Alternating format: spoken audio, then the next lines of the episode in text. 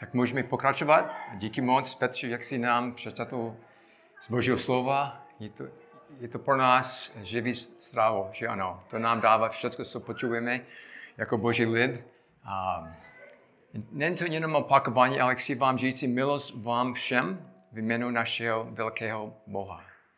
To máme společně, když jsme v Kristu, že máme jeho milost. A jeho milost skutečně je, že máme Ježíše jako našeho spasitele na věky. Tak z toho můžeme jako se radovat. V tom máme všechno, jako boží lid. Mám pro vás na začátku malinkou hadanku. Víš, co to je? Hadanka? Jo, dobrý. A, tak zkuste uhádnout, co vám popíšu. Tak zaprvé, je to jeden z největších nepřátel lidstva. Za druhé, není vůbec vidět, ale je všude přítomný. Má moc zničit život každého člověka od malého dítě do velkého vědoucího. Utočí na svoje oběti kdykoliv a kdekoliv bez varování. A přichází v různých formách, ale má stejné, stejně strašné důsledky. Jak se jmenuje ta forma? Co to je? Hade. Trošku jiný, něco, něco jiného. Co ještě? Děti, zkuste. Pokud je to velmi blízko. Může být hřích. Je, je to něco ještě konkrétního, konkrétnějšího. Strach. Úžasný, Petře, ano. Vyhrál si. Dobře. Je to strach. Lidský strach. A o čem budeme mluvit dneska, uvidíme, co nám říká náš velký Bůh. Zajímavý článek, který jsem přečetl, tvrdí, že 90% pacientů, kteří pravidelně chodí k lékaři, mají jeden společný pr- problém. Jejich první příznak nemoci nebyl kašel a nebo bolest na hrudníku, ani hyperacidita. První symptom z 90% případů byl strach. Oni měli strach. Oni se báli. Poslechněte si, jak trpěl strachem Ital, který se jmenuje Ernesto Cataldi. Ernesto Cataldi byl Ital, on prožil velmi zajímavou situaci. Když mu bylo 77, sousedé ho našli doma a mysleli si, že je mrtvý. Tam jenom ležel. Lékař mu připravil umrtný list a pokud pohřební služba dala do rakve. Avšak si Ernest nahalé posadil a zeptal, zeptal se, proč volí pohřební službu. Jakmile uslyšel, jaký opověd, jejich odpověď, svalil se a ze strachu skutečně zemřel. Zemřel se ze strachu, skutečně. Proto když se někdy probudíš, probudíš ve rakvi, neptej se, proč jsi tam. Tak smějme se, ale je ještě vážnější strach, který nás jako křesťany ohrozuje. Je to strach mluvit s lidmi o Ježíši. A přiznávám se, že vy a já taky máme takový strach. A často nechceme skutečně to říci, na rovinu, ale je vidět v našem životech. Máte někdy trému nebo strach mluvit se nevěřícími o Ježíši? Ve skutečnosti každý z nás jí má. Zůstáváte někdy potichu, když vám Pán Bůh otevírá možnost v konversaci o něm mluvit. Ve skutečnosti každý z nás to někdy dělá. A chováte se někdy spíše jako křesťanští chameleon, víte, co je chameleon? Jo, tak oni můžou mít různé jako barvy, kteří se snaží přizpůsobit si lidem okolo, aby nemysleli, že jste jiní než oni.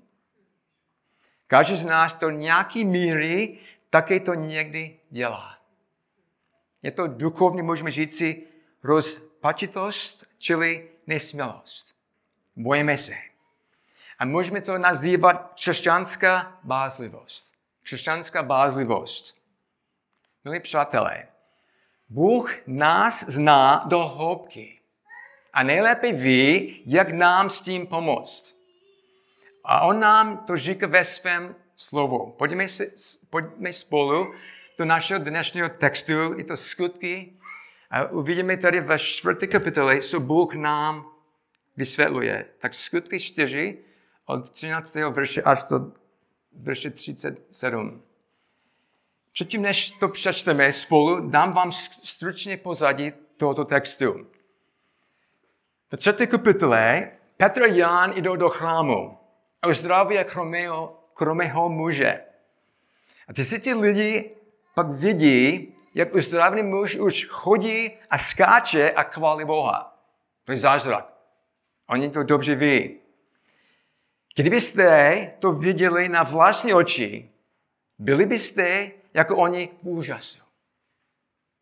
Co se děje tady? Jak můžeme to vysvětlit? To nám krásně popsal Daniel, náš Daniel, ze skutku 2, ve 43. Každý duše se zmocňoval strach.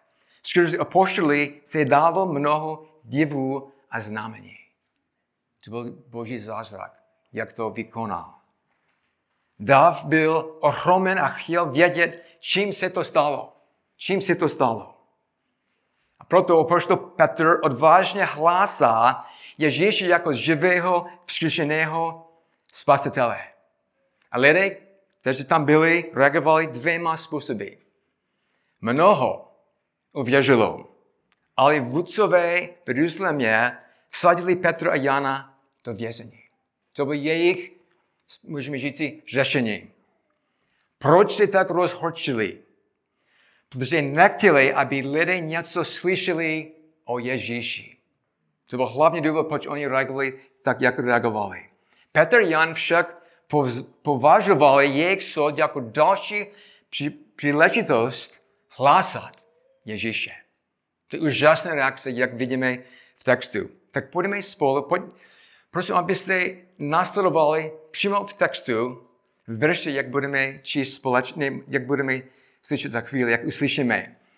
Podívejme, spolu, podívejme se spolu, podívejte se, podívejme se spolu, se jak směli prohlásí apoštolové v skutcích 4 a verš 12. Štěpán, prosím, přečte nahlas pro nás. Díky.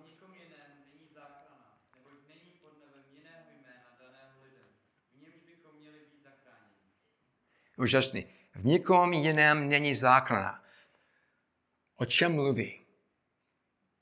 O Ježíši. On je jediný, který může dát člověku život věčný. A verš 13 našeho textu nás informuje, co nejvíc překvapilo jejich protivníci. Ještě dál, Šepany? Když pozorovali Petrovu a Janovu smělost a zhledali, že jsou to lidé neučení a prostí, žasli, poznávali je, že bývali s Ježíšem. Není to úžasný? On udělal jako na závěr, jak můžeme vysvětlit jejich reakce. Potom jediná věc, co jim bylo jasné, je, že oni strávili čas s tím, se Ježíšem. Strávili mnoho času se Ježíšem. Bylo lidem jasné, že Petr a Jan jsou obyčejní lidé neobyčejnou odvahou. A jaké bylo jediné vhodné vysvětlení toho, jak jsem vám říkal, soci dospěli k závěru, že Petr Jan strávili, nejsem jenom soci, lidé tam, všichni, že oni strávili čas jedním člověkem, Ježíšem. Proto mohli reagovat, jak reagovali. A oni měli pravdu. Petr Jan byl mocně ovlivněný Ježíšem. Že mluvili, chovali se a žili jako on. On byl jejich velkým vzorem a oni proto jednali podle toho, co už viděli v něm v Ježíšem. Teď vidíme velmi podstatný princip jako křesťané. Jejich odvaha pocházela z pramene chození s Ježíšem.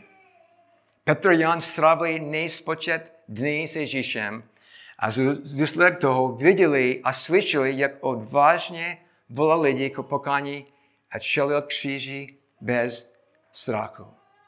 Ale nejen to. Chodili také se vzkříšeným Ježíšem a trávili čas s ním i pro pardon, i po jeho smrti vstání. Je to podstání.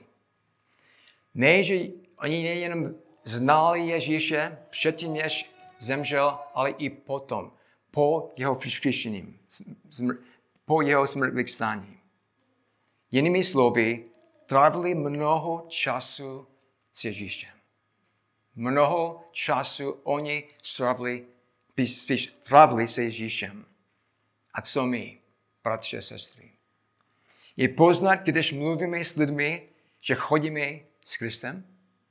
Je viditelný důkaz v našich životech, díky Bohu, svědčí o tom, že Ježíš, pardon, v našich životech, který ukazuje, že Ježíš skrze nás působí? Odpověď je ano. Ano, já to vidím v nás. Jak žijete, jak mluvíte, jak se modlíte. Úžasné. Vaše společenství jako BSKK a vaše životy díky Bohu svědčí o tom, že Ježíš žije. Ten důkaz je, je jasný v nás. I ve vás spíš. Víte co? Čím více času trávíme s Kristem, čím raději o něm mluvíme. Ne, že musím něco říci, ale já mám takové privilegium od Boha. O, o Ježíši mluvit. Víte, jak pokračuje uh, takhle. Chci používat slova, jak používal poštol Pavel. V slovech Pavla chci vás pozbudit tím, ještě více vy, vyniknete, ještě více vyniknete. Excel still more. Že nemáme být jenom spokojení, jak, jak, jak je situace teď, jak trávíme čas s Bohem, ale jde, aby to byl ještě více a více s ním. Svět vůbec není schopný reagovat na křesťany, kteří žijí v úzkém přátelství s Kristem. Oni nemá pochopit, proč. Ty, tyhle lidé jsou úplně jiné než my. Tento týden si majitel a pracovníci tohoto hotel, hotelu všimli, že naše skupina je něco jiného. Je tu důkaz, že máme živého Boha. Oni jsou ohromení, ohromení láskovosti a vděčnosti, které u vás vidí. A Markus i další měli už skvělé příležitosti jim vysvětlit, čím jsme jiní.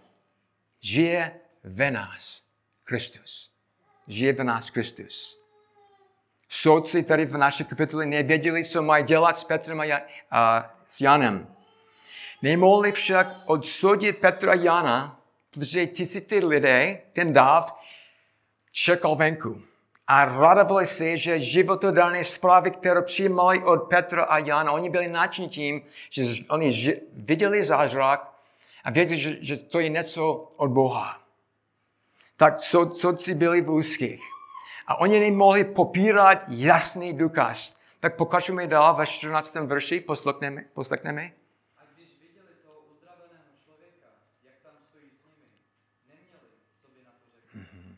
Nic nemohli říci. Nic. Podívejte se se mnou, jak se snaží vyřešit jejich dilema. Verš 15.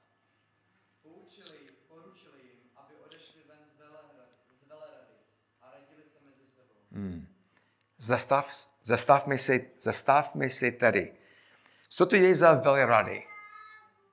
Asi dobře víte. Není to obyčejná, obyčejná rada. Je to spíš nejvyšší židovský soud, který se skázal v Jeruzalémě, byl pojmenován Sanhedrin. Sanhedrin, ta rada. Zahrnoval 71 členů, kteří také soudil Ježíše, Štěpana a Pavla. Ty stejní lidé tam v té rádě. Rádě. Tady v, v případě Jan a Petra je ironické, že nejvyšší státní soud v Jeruzalémě, v Jeruzalémě spíš, měl tak velký zmatek a nemohl rozhodovat. Co máme dělat? Co s tím? To vidíme ve verši 16. Štěpane? Co.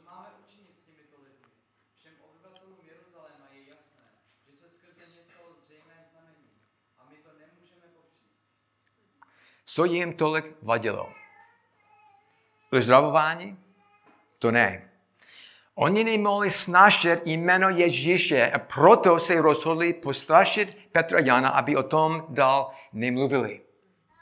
Oni nechtěli slyšet jméno Ježíše. A častokrát vidíme v textu, oni nepoužívali jeho jméno. Mluví o něm, ale nemluví o Ježíši.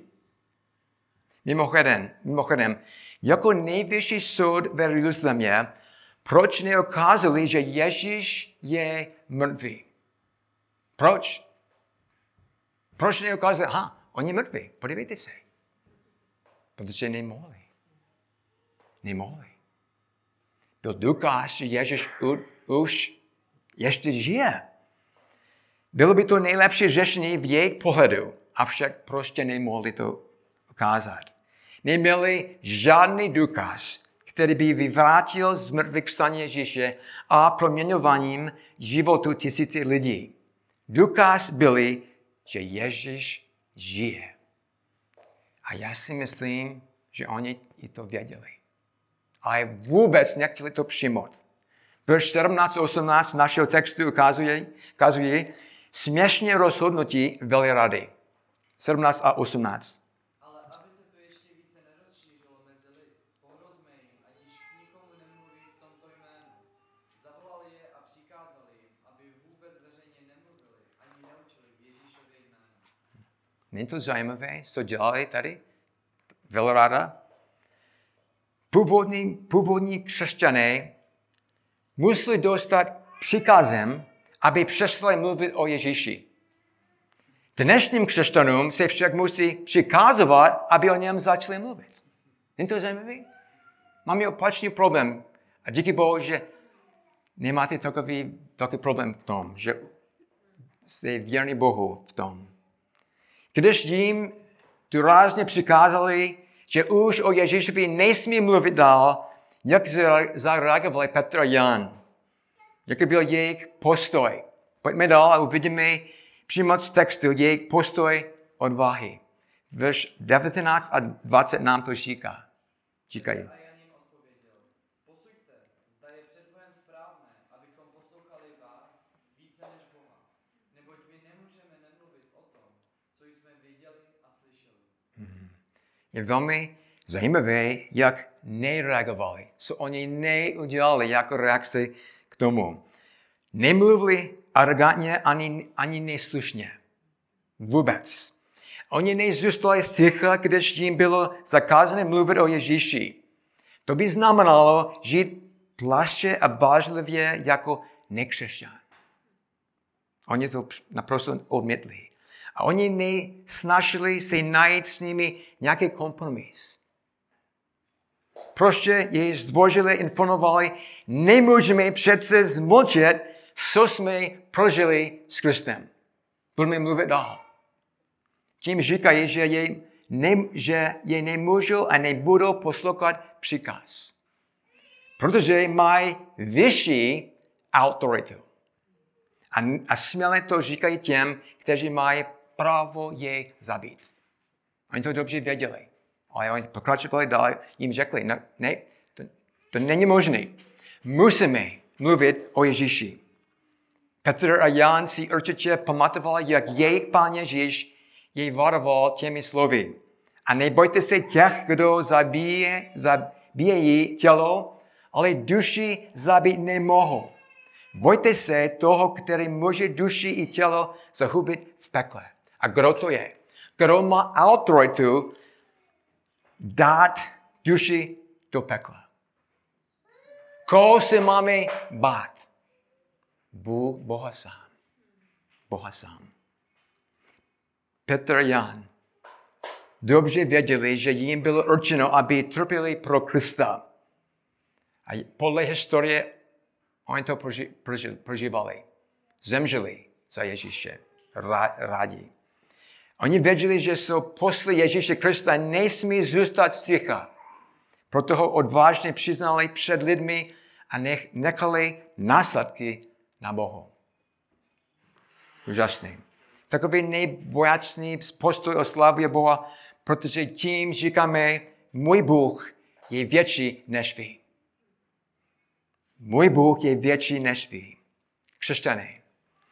Každý z nás se musí ještě učit, jak se nestydět, nestydět a mluvit s lidmi o našemu spasiteli.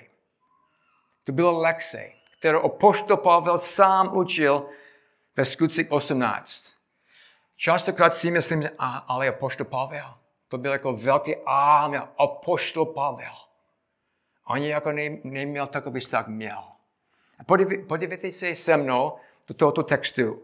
V skutcích 18, verš 9 až 11. Já vám to přečtu. V skutcích 18.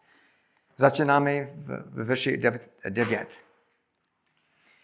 Pavel se bál zvěstva evangeliem v Korintě. A Bůh s kým mluvil. A tady je vysvětlení toho. Jedné noci měl Pavel vidění. V něm mu pán řekl, neboj se, mluv a nemlč, verš 10, protože já jsem s tebou a nikdo ti neublíží. Mnozí v tomto městě patří k mému lidu. A tak tam Pavel zůstal jeden a půl roku a učil jej Božímu slovu. On měl strach. A Bůh ho dal sílu, aby mohl kázat evangelium dál.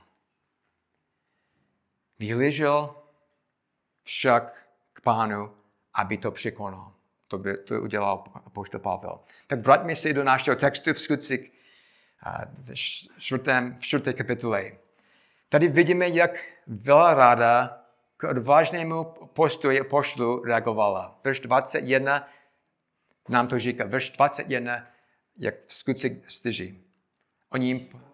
Tak. Protože nenalezali nic, zač by je potrestali. A to kvůli lidi, neboť všichni oslavovali Boha za to, co se stalo. Hmm. Stručně řečeno, Bůh zvítězil a oslavil se. Úžasný. Velráda dokonce měla strach, protože Petr a Jan ne, neměli. Oni měli strach, protože Petr a Jan neměli strach. Takový správný postoj odvahy nás vede k posíle odvahy. A další bod, posíla odvahy. Odvaha, čili kuráž, je jako sval, který se dá posilovat. Musíme něco dělat, abychom rostli v tom. Ale čím můžeme spevnit a utvrdit naši odvahu jako křesťané? Za prvé, už jsme o tom slyšeli, a díky tomu, že je opakováno v textu, rád to opakujeme také v kázání. Verš 23 nám to ukazuje. Když byli Petr a Jan propuštěni, vrátili se mezi své a oznámili, co jim řekli velkeneži a starší. Proč se vrátili mezi své bratry a sestry? Z jakého důvodu? Jaký měl jako toho?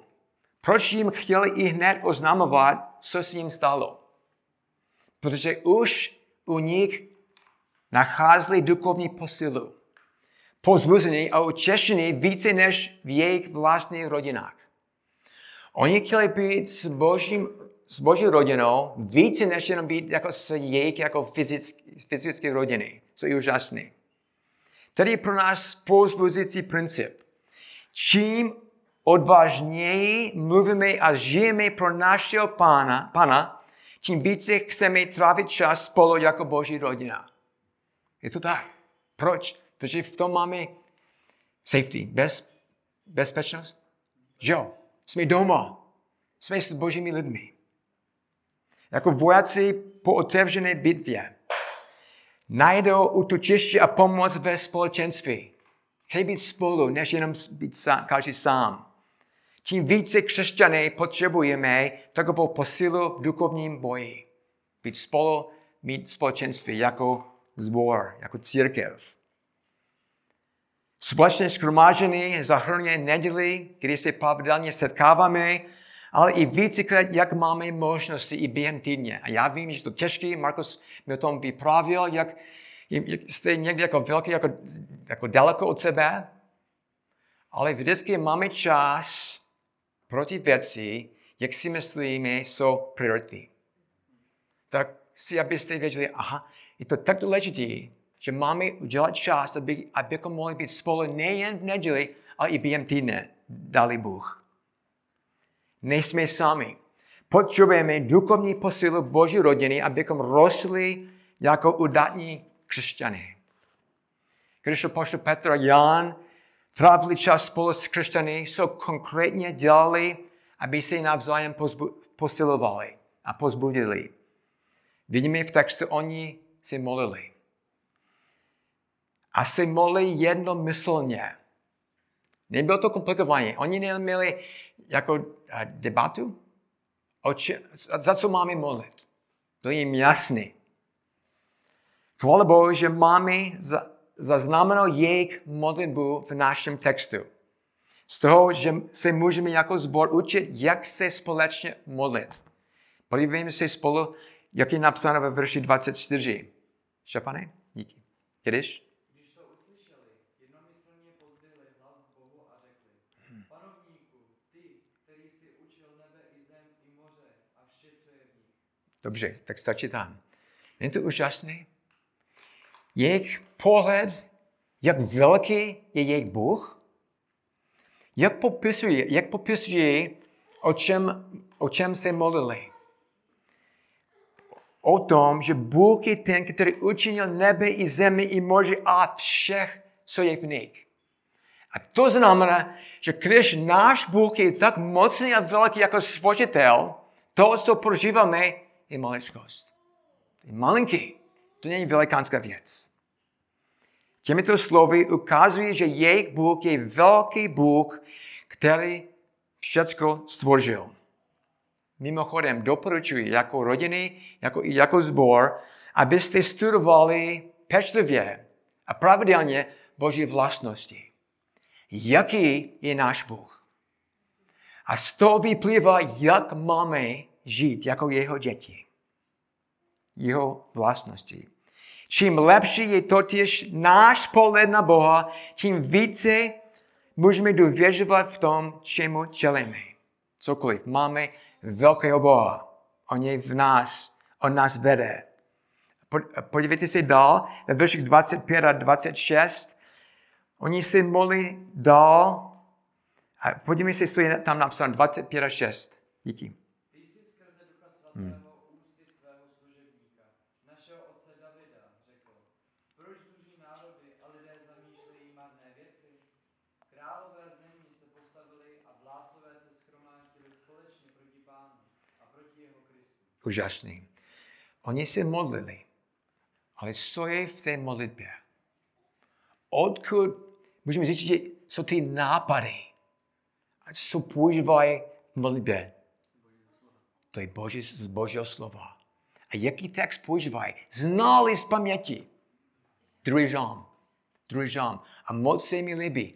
Když se modlíme, není to jako, že každá věta nemusí být jako nějak citát, ale musíme znát Boží slovo tak dobře, že, to, že máme v krvi. Že jo, i slyšet. Milan Šoban, že jo. Je úžasně strávit čas s ním. Protože když se modlí, mo, můžu říct, že on se modlí jako biblickým jako způsobem, jako style. Že jo. Slyšíme Boží hlas. A náš Bůh nejrád slyší jeho slovo, když se modlíme. V Michiganu snažíme se, aby členy se učili, jako se modlit lépe. A jeden velký, jedna velká potřeba je, aby znali Boží slovo, aby to bylo slyšet, když se modlíme. A to vidíme přímo v textu. On citovali z, z druhého žalmu. Tady cituje žalm a to hovoří o bezbožník, kteří dělali, co mohou a doufají, že zmaří Boží dílo. Jo? Co Boží jako nepřátelé, ale prostě nemohou. A na základě právě tohoto žalmu ty věřící v rané církvi uznávají, že Bůh má i jejich situaci pod kontrolou. A to jim stačí. Máme velk, velikánského Boha. A vidíme, co je napsáno v žalmu, v druhém kapitole, v druhé kapitole.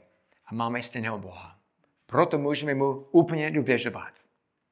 Jejich mocný Bůh je naprosto svrchovaný nade vším.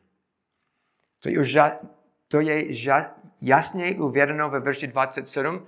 Podívejte se dál, jak pokračuje ten příběh. V tomto městě se opravdu sešli Herodes a Pontius Pilát spolu s národy i s lidem Izraele proti tvému svatému služebníku Ježíšovi, kterého jsi pomazal, A 28. aby učinili, co tvá ruka a tvůj úra, úradek předem učili, určili, že se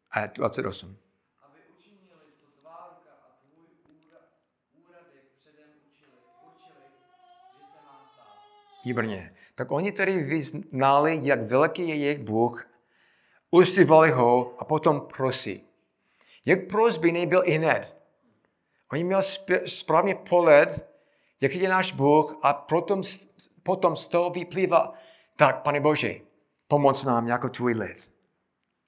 Úžasný. Oni po, popsali nejhorší situaci vůbec na světě. O čem se modlili?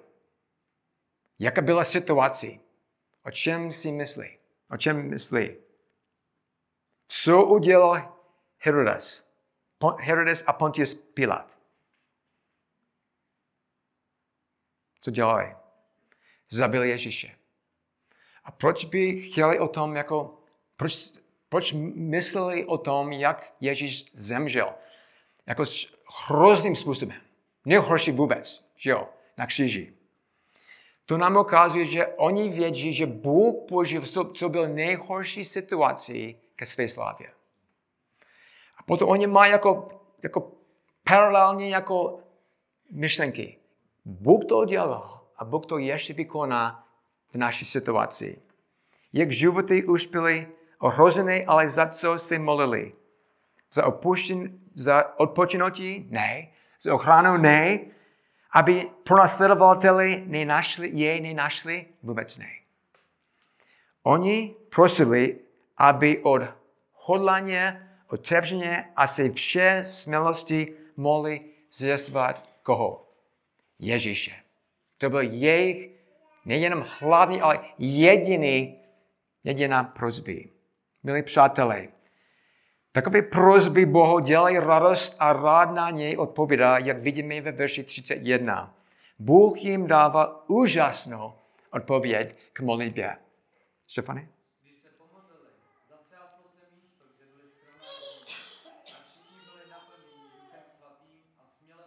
Boží slovo. Je to úžasný, co oni prožili jako, jako církev, rána církev. Bůh zatřásl zemi a naplnil je Duchem Svatým. Oni už předtím byli pokřtěni Duchem Svatým, jak Marcus kázal, ale nyní jsou znovu naplněni Duchem, Duchem Svatým. A to se naproje, naproje, pardon, neprojevilo schopnosti mluvit jazyky ani schopnosti činit zázraky. To neudělali.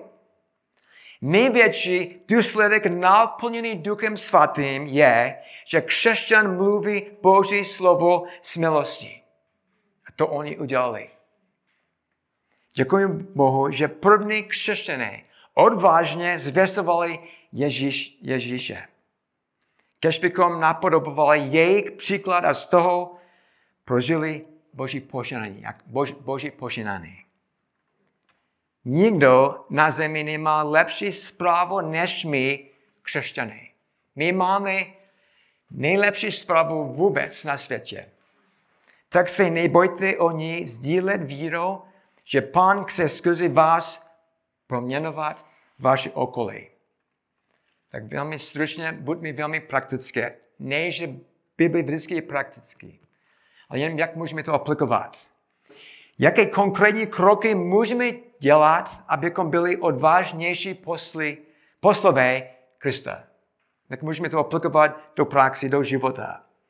Za prvé, v konversaci je třeba představit druhým Ježíše jako vás, váš přátelé a povězte něco o chozní s ním. To rád dělám. Víš, mám úžasného kamaráda. Kdo to je? To je Ježíš. On je úžasný. Chceš něco o něm slyšet? Ano. Tak už je příležitost mluvit o Ježíši. Taky je vhodné mít Bibli na viditelném místě, třeba na stole v obyvacím pokoji, na lavici ve škole nebo na pracovním stole v práci. Já si pamatuju, když jsem učil eh, ve škole dávno, studoval jsem na, říkáme, ordinaci, jak, jak by to byl český, ordination. Ordinace, že jo. Tak měl tady stejnou Bibli, celá jako měl velkou Bibli, vy jste měl na stole a byl, jsem jako náhradník, jako učitel. A můj úkol byl jenom jim dát jako, co měli, by měli dělat, a potom jenom jako musím kontrol, zkontrolovat, jestli všechno byl, je v pořádku. Tak měl jsem čas potom proskoumat studovat Boží slovo, když oni dělali práci. A vícekrát, častokrát studenty koukali a potom mi řekli, co to je? Proč máš takovou velkou knihu? O čem to je?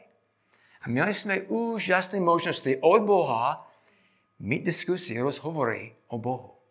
Bůh to vedl. A měl jsem jenom jako um, úžasnou příležitost mluvit o Ježíši. S lidmi, když trpí problémy a bolesti v životě, a je vidět všude, můžeme jim ujistit o modlitevní podpoře. Člověk nemusí ani věřit v Boha, abychom... To je jedno, jestli si myslí, nebo jestli Bůh existuje, nebo ne. A můžeme jim ujistit, já budu se za tebe modlit. Hlavně za jejich duchovní potřeby. A potom třeba za týden se jejich můžeme zeptat na jejich situaci. Jak to je? Mám živého Boha? Modlím se za tebe. Co se děje ve tvém životě? Když jsme se Soňou letěli z, Paraž, z do Prahy, seděli v let, letadle přes uličku mladý manžel. On byl hodně vysoký. A myslím, že to je zajímavé. Slyšel jsem, jak on mluvil. Jeho manželka seděl, sedli, seděla za námi. Nevím, proč byli takhle, ale uh, když, díky tomu, že mluvil česky, myslel jsem, myslel jsem dobře, jim příležitost od Boha zvěstu aspoň nějak jako evangelium. To země bylo, jak to dopadlo. My jako přečetli jako Boží slovo jenom jako zvlášť, on, on jak si všiml, tak myslel jsem, že jako mám nějaké tušení, jako kde stojí ten plán jako, jako na v duchovní straně. Tak zeptal jsem se ho, a ještě jsi někdy přečetl Bibli? A na mě koukal, říkal, ne, jsem ateista. Jsem ateista. Když jsem, tak už jsem, jako jsem se smál, byl, jakože, OK, samozřejmě mám, měli jsme zkušení jako s takovými lidmi. Tak um, říkal jsem mu, víš co, to byl, on se jmenuje Josef, víš co, já si myslím, že náboženství je hrozný. A, a říkal, používal jsem slovo, je nebezpečný. A díky tomu, že mluvil jsem s špatným přízvukem, on slyšel a myslel, že jsem říkal, náboženství je, bezpe- je bezpečný. Tak on chtěl mě opravit. Ne, myslíš si, že náboženství je bezpečný? Ne, naopak. Já si myslím, že náboženství je nebezpečný a špatný. Říkal, oh. Tak Bůh nám dal úžasnou příležitost mluvit. Že jo? Myslím si, to je, to je od Boha. Tak jsme o jako duchovních věcech a dal jsem mu knižku o, jak uh, Ken Ham napsal. Mali ne, asi 30 stran nebo něco, že jo? A Josef jinak to otevřel a začal číst. A pokračoval asi 15-20 minut v tom. A jenom, jenom jsem, říkal jsem mu, dává to smysl? Nebo říkal, ano, to je dobrý, jako jen ano. Tak je to úžasné. Ateista je připraven aspoň slyšet něco. Že jo? Je to velmi jako jednoduchý, jednoduchá situace a Bůh nám dává takové situace skoro každý den. Jsou jako od Boha pro nás. Proto, milí přátelé, měli bychom se modlit za Josefa a za další, kteří potřebují od nás slyšet o Ježíši. A já bych řekl i ještě důležitější je, že měli bychom se hlavně modlit jeden za druhého, abychom směle vydávali svědectví. Máme se modlit jeden za druhého, abychom, abychom naplnili Boží úkol jako jeho lidi. lidi. Tak se pomodlíme. Pane Bože, chválíme ti za tvoje mocné slovo. V tom vidíme tvůj nádherný plán a to, jak můžeme být tvým věrným nástrojem Evangelia. Dej, pane, abychom se nestyděli za Evangelium, ale se vší smilosti svědčili o Ježíši. Posiluj nás a používej nás ke své slávě. Pane, pro ty, kteří tě ještě osobně neznali, otevírej jejich srdce, aby pochopili, jak Pán Ježíš dává opuštění ze hříchu a naplňuje životy. V jeho mocné jméno se modlíme. Amen. Amen.